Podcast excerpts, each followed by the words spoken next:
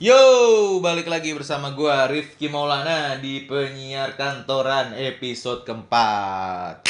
Kali ini gue sendiri karena Jackie lagi kerja. Susah memang bikin podcast sama orang kantoran tuh susah. Jadwalnya nggak pernah ketemu gitu. Kalau mau orang nganggur, kayak podcast sebelah gampang. Oke, kali ini gua akan ngomongin tentang sesuatu hal yang lagi viral. Walaupun sebenarnya viralnya udah lama sih tapi kayaknya sekarang penetrasi lagi kencang-kencang banget gitu ya. Uh, tapi sebelum ngomongin tentang hal tersebut, gue akan update sedikit beberapa uh, berita yang lagi hits banget terkait dunia musik, dunia film, ataupun dunia hiburan lainnya. Yang lagi hits adalah kolom komentar di Instagramnya Lala Fest. Woo!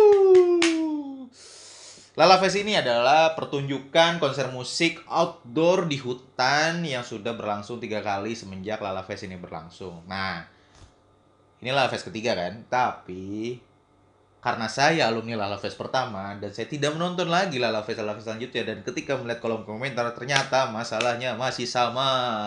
Masalah pertama, satu, becek. Kok becek? Kan outdoor. Emang outdoor tapi beceknya keterlaluan bos. Beceknya itu berlumpur gitu loh.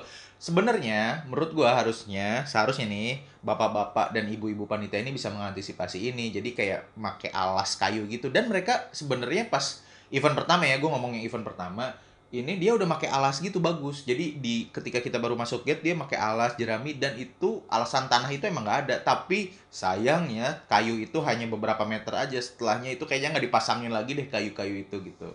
Itu satu. Kalau untuk uh, becek gue pribadi sebenarnya nggak terlalu menyalahkan Alaves lah. Karena kan cuaca satu. Kedua harusnya penonton juga udah pada tahu resikonya untuk kalau datang di konser outdoor. Ya jangan pakai sepatu putih Nike atau uh, Asics yang mahal juga lah ke sana kan sayang banget gak sih?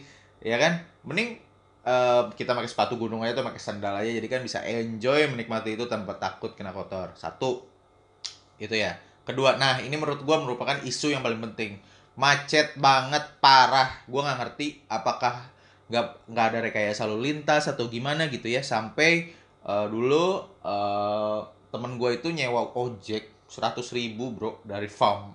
seratus ribu bro seratus ribu gitu. Dari farmhouse ke Cikole gitu. Ah udahlah parah banget lah itu. Kemacetan itu tuh udah bener-bener nggak apa ya sampai artis-artis itu cancel hadir waktu itu tuh. Banyak artis cancel hadir yang lucunya kalau nggak salah waktu itu Isyana apa Teza gitu. Mau tampil tapi alatnya nggak ada karena alatnya belum datang karena apa? Karena kejebak macet. Ya Allah lucu banget Nah itu macet dua. Ketiga itu uh, panitia katanya yang kurang profesional. Dulu kita masalah sama refund. Refundnya itu susah gitu. Temen gue, kayak jadi kalau kita mau beli makanan di sana kita tukar dulu ya sama uang elektronik lah ya kayak pakai NFC gitu jadi kita bayar cash di depan saya mau tukar pakai uang elektronik sejuta gitu saat udah dapet nih sejuta. Nah katanya kalau kelebihan bisa di refund dan ternyata banyak yang lebih kan? Nah pas refund itu temen gue susah banget katanya. Sampai-sampai apa ya ketika mau di refund panitianya malah pacaran atau gimana gitu. Pokoknya banyak hal-hal kayak gitu. Cuman kalau nggak salah yang pertama itu akhirnya berhasil di refund nah tapi gue nggak tahu gimana kelanjutannya. Yang kedua kayaknya berulang juga kayak gitu. Katanya panitianya nggak profesional ikut nonton ada yang pacaran ada yang ke mana ke mana gitu ya. Terus nah tiga tuh keempat kalau gue baca kolomnya sih katanya soundnya bapuk banget. Tapi gue nggak tahu soalnya di jujur yang pas gue lala fest pertama in technical panggung musik lightning oke okay, menurut gue cuman emang dari servicesnya aja sih yang udah udah cakadut banget beneran. Ya allah itu udah parah banget. Nah supaya lebih seru kita bacain aja ya kolom komentarnya Lala Fest katanya ini acara apaan sih? kata Mona Saraswati. Ini acara apaan sih? Dari komen-komennya kok kayak pada habis ikutan Hunger Game terus udah gitu ada dari eh uh, nggak lucu. Mana yang lucu ya? Uh, oh ini ada yang ini nih. Dari senja di surau. Yang heran lagi penon Yang heran lagi, penonton dilarang bawa vape. Tapi di dalam media atau fotografernya pada nge-vape dong. Ya Allah. Terus kata Olivia, the worst event ever, ever. Sumpah. Pertama dan terakhir. Wah ini nih lucu banget nih. Yang gak masuk akal, acara beres jam 1. Kita disuruh pulang jam 2 aturan dari mana bos? Pengen pulang jam 2 nggak bisa. Harus jam 2 eh pengen pulang jam 12 nggak bisa harus jam 2 kalem bos. Ini kita lagi nonton konser apa ujian nasional. Anjir lucu banget. Terus apa lagi? Uh, oh jauh. Ini lucu banget nih. Jauh-jauh ke Bandung buat nonton Hone. Eh sampai venue lalala nonton Hone-nya berasa nobar YouTube. Sound udah kayak speaker Simbada di kamar. Ya Simbada anjir gaji bela aja. Bagusan. Ya pokoknya gitulah. Itu serangkaian unek-unek uh, penonton Fest. Ya semoga tahun depan kalaupun ada Fest panitianya lebih oke okay lah gitu dalam services gitu ya. Oh iya kemarin juga gue lihat katanya mereka ngelayanin gestarnya juga cukup apa ya cukup semena-mena kali ya. Cuman ya udahlah udah terjadi kita biarkan aja semoga ke depannya lebih baik. Oke yang kedua adalah ini gue sebenarnya mau ngulas dikit aja sih soalnya pas episode ini dibikin baru aja pengumuman Oscar. Oscar pemenang aktor terbaik adalah Rami Malik wah itu sudah bisa diduga lah ya Rami Malik di Bohemian Rhapsody. Terus best aktris ada Olivia Colman The Favorite. Nah ini yang lucu nih best picture Mungkin kita akan bahas di episode selanjutnya. Jadi, Best Picture ini yang menang adalah Green Book. Tidak seperti prediksi orang-orang katanya ada Rome, ada Bohemian. Pokoknya sama Star is Born itu cukup bersaing ketat lah. Tapi yang menang malah Green Book. Kenapa kontroversi? Karena pertama banyak kritikus film yang menilai film ini film biasa saja. Terus udah gitu, tapi gue bingung ya. Kenapa Oscar ini seneng banget menangin film-film yang based on true story ya? Gue juga rada lucu aja sih kenapa harus based on true story? Oh, ya ya udahlah nggak apa-apa. Tapi kalau based on true story kenapa nggak bohemian gitu yang menang? Ah. Oke terus kenapa kontroversial filmnya dan kemenangannya? Ini film katanya cukup rasial gitu membawa isu-isu rasial tentang cara pandang yang cukup diskriminatif terhadap kaum muslim di Amerika lah. Jadi si Green Book ini ceritanya adalah tentang persahabatan pianis Afrika dan supir pribadinya. Aduh gue lupa namanya siapa. nah katanya filmnya cukup rasial juga dan dianggap mengambil perspektifnya tuh hanya perspektif kulit putih. Penasaran ulasan kita tentang film ini? Nantikan di episode kelima. Oke. Sekarang gua balik lagi ya gue akan ngomongin sesuatu yang lagi hit sekarang. Yaitu adalah Netflix. Sebenarnya nggak dari sekarang sekarang sih. Eh sebenarnya nggak sekarang sekarang sih. Sebenarnya dari dulu cuman kayaknya sekarang Netflix itu lagi rame apa kayak sponsor di Instagram terus udah gitu uh, hire KOL hire uh, brand ambassador dan lain-lain. Mungkin penetrasi lagi kenceng banget gitu ya. Uh, dan sekarang gue akan merekomendasikan 5 tayangan yang kalian harus tonton di Netflix. Nah, saran apa aja? Check this out. Cedep.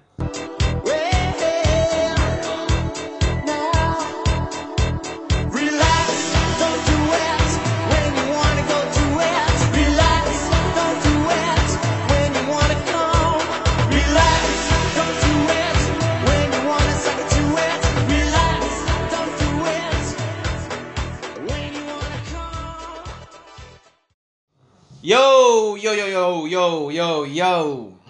Gila, gue udah kayak youtuber banget gak sih? Oke, kita masuk ke pembahasan 5 tayangan yang harus kalian tonton di Netflix. Yang pertama, aduh, please. Yang pertama adalah series favorit gue setelah Game of Thrones dan Breaking Bad. Black Mirror. Nah, Sebenarnya Black Mirror ini harus diberikan apresiasi lebih oleh Netflix. Kenapa? Karena salah satu episodenya Bandersnatch itu membuat Netflix makin famous karena keunikan storyline yang punya Bandersnatch. Lu bayangin ya, kan Bandersnatch ini banyak ya dibajak kayak di LK21, sinema apa lalalala. Nah, itu kan kalau dibajak kan 5 jam tuh. 5 jam penuh kan, 5 jam 21. Segala kemungkinan alur cerita yang dipunya oleh Bandersnatch itu dirangkum tuh dalam satu film itu. Bos, apa seru bos nonton kayak gitu enggak kan sebenarnya yang Netflix mau jual ini di episode Bandersnatch adalah pengalaman kita dalam melakukan interaktif uh, skenario gitu jadi skenario nya itu tergantung pilihan-pilihan kita yang disuguhkan oleh aktor-aktornya gitu jadi interaktif uh, film ini keren banget menurut gua ini adalah strategi marketingnya Netflix yang keren karena kalaupun ini dibajak sensasi itu nggak akan kerasa sensasi ini akan dirasa kalau kita punya akun premium Netflix dan memilih pilihan-pilihan hingga berujung kepada ending sesuai dengan pilihan kita tersebut. Bah, good job. Black Mirror. Oke. Okay.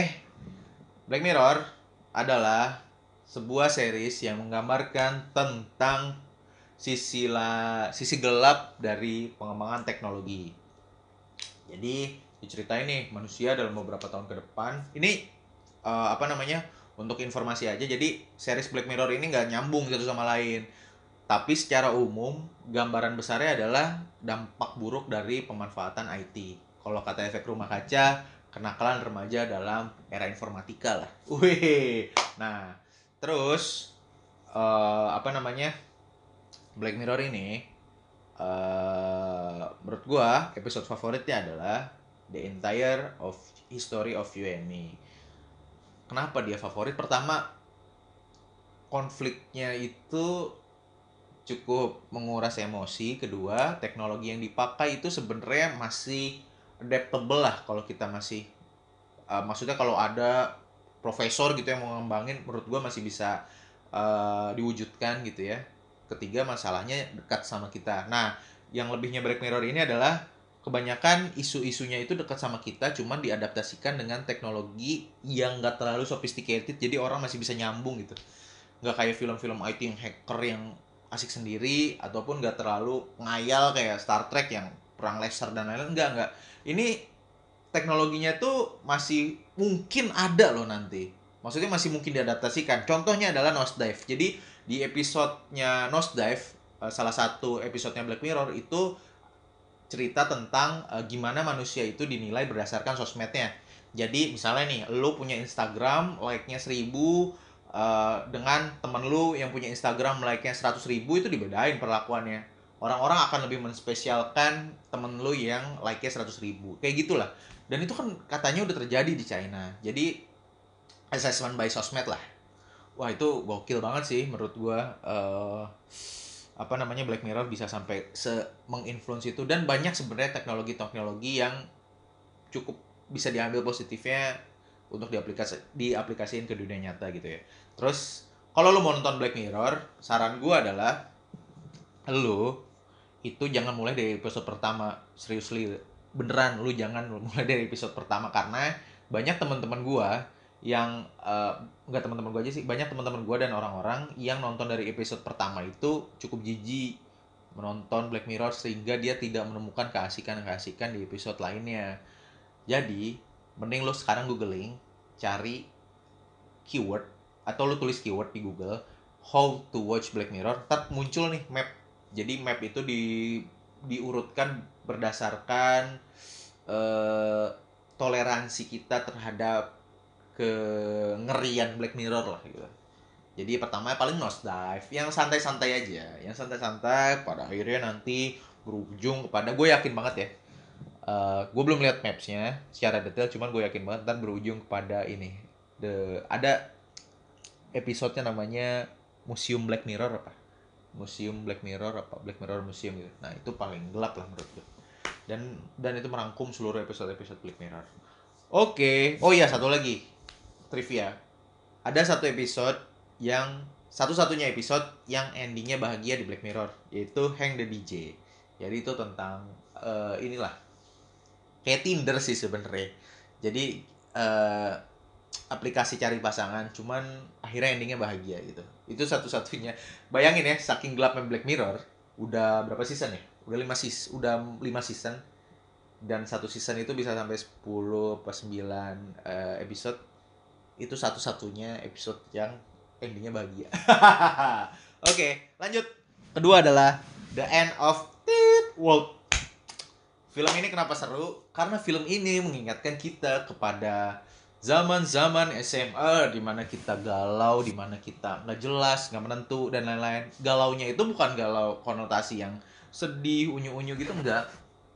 Galaunya itu kayak lu tuh limbung gitu menjalani kehidupan, terus udah gitu pengennya rebel, terus lucunya dia men apa namanya ya, mempertontonkan uh, sifat-sifat yang sebenarnya mungkin ada di masing-masing orang cuman malu untuk dikeluarkan. Nah, mungkin terwakilkan lah dengan orang-orang ini gitu Nah, jadi ini cerita tentang James dan Alisa. Nah, si James ini uh, remaja, remaja cowok yang uh, punya kepuasan sendiri kalau membunuh serangga awalnya. Tapi pada akhirnya dia berfantasi untuk membunuh orang. Dan orang yang dibunuh adalah Alisa. Alisa adalah cewek yang suka banget sama James. Tapi Alisa itu punya keunikan dia itu bakal seneng banget kalau orang itu marah gitu. Dan dia tuh seneng banget kalau bikin James itu marah. Nah bingung kan lo? Satu pengen ngebunuh satu cinta banget. Tapi cintanya itu bikin marah. Nah gimana kan? Keseruannya itu kan? Nah tap terus udah gitu episode ini diawalin dari James Ali James dan Alisa yang uh, ya pada akhirnya saling berpura-pura satu sama lain gitu ya.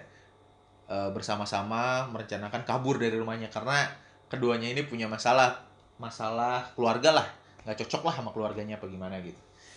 Dan ceritanya pun berlanjut dengan keanehan-keanehan di perjalanannya lah kayak ketemu uh, bapak-bapak yang cukup aduh ntar lu nonton sendiri lah jadi ini sebenarnya adalah Romeo dan Juliet versi anak kecil dan lebih milenial lah kalau kata bapak-bapak zaman sekarang.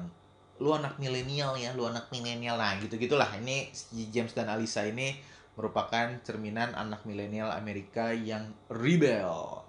Oke seru banget lah pokoknya. Ketiga adalah Mary Kondo.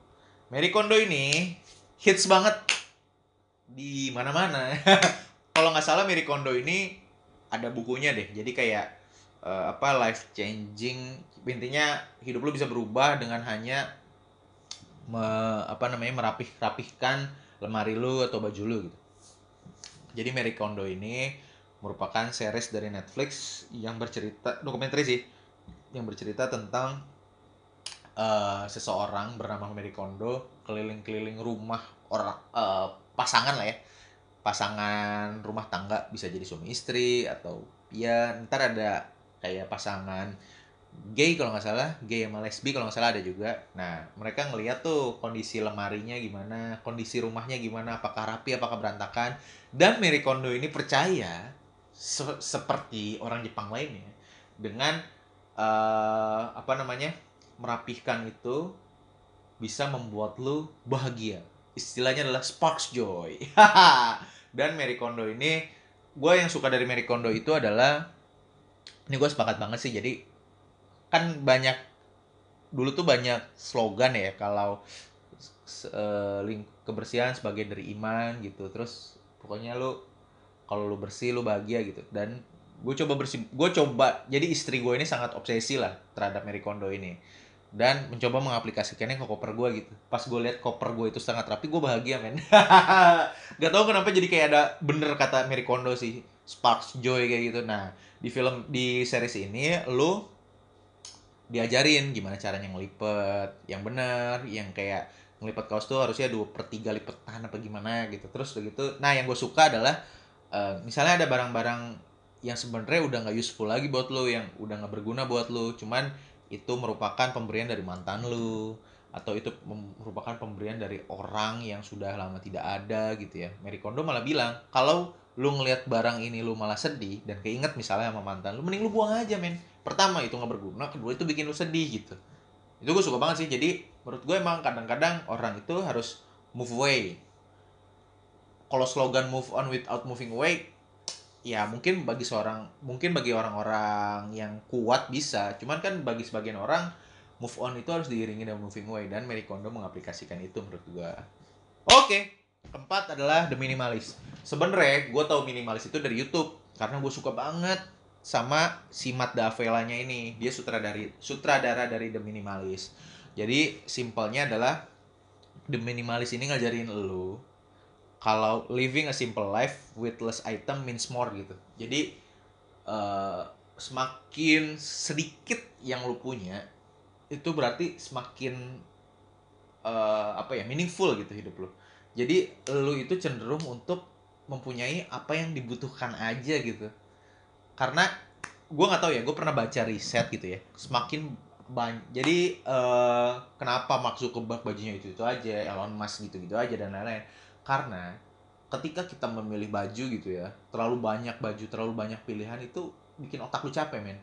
Kalau otak lu capek aja da, apa kalau dengan milih baju aja di pagi hari otak lu udah capek kan lu jadi nggak produktif kan terkerjanya. Itulah kenapa si maksud kebak itu bajunya sama semua men. Kayak Steve Jobs gitu-gitu kan bajunya sama semua. Jadi mereka tuh mengurangi apa namanya porsi kerja otak mereka untuk hal yang lebih penting gitu. Jadi kayak di apa namanya didistribusin ke yang lebih penting. Nah, ini yang diajarin di The Minimalist gitu. Sebenarnya konsep The Minimalist ini udah udah banyak ya di kayak di Buddha, terus begitu di gua misalnya di agama Islam juga semakin kayak banyak memberi, terus apa yang kita punya adalah apa yang kita butuhkan aja gitu. Jangan berlebihan itu udah ada sebenarnya, cuman lebih di pop culture kan lah sekarang di The Minimalist ini. Jadi ini cerita tentang uh, dua orang pemuda, Sirian Nicodemus sama Joshua Joshua Fields. Nah, ini gue gue lupa Sirian apa si Joshua ya, yang bilang kalau uh, gua itu ngelihat uh, Rian, kayaknya si Rian deh. Jadi gue kata si Joshua, gue itu ngelihat Rian gak pernah sebahagia itu dalam hidupnya dan ternyata kebahagiaan itu bersumber dari konsep minimalis yang dia aplikasikan gitu. Dia mulai jual-jualin barang yang gak berguna gitu.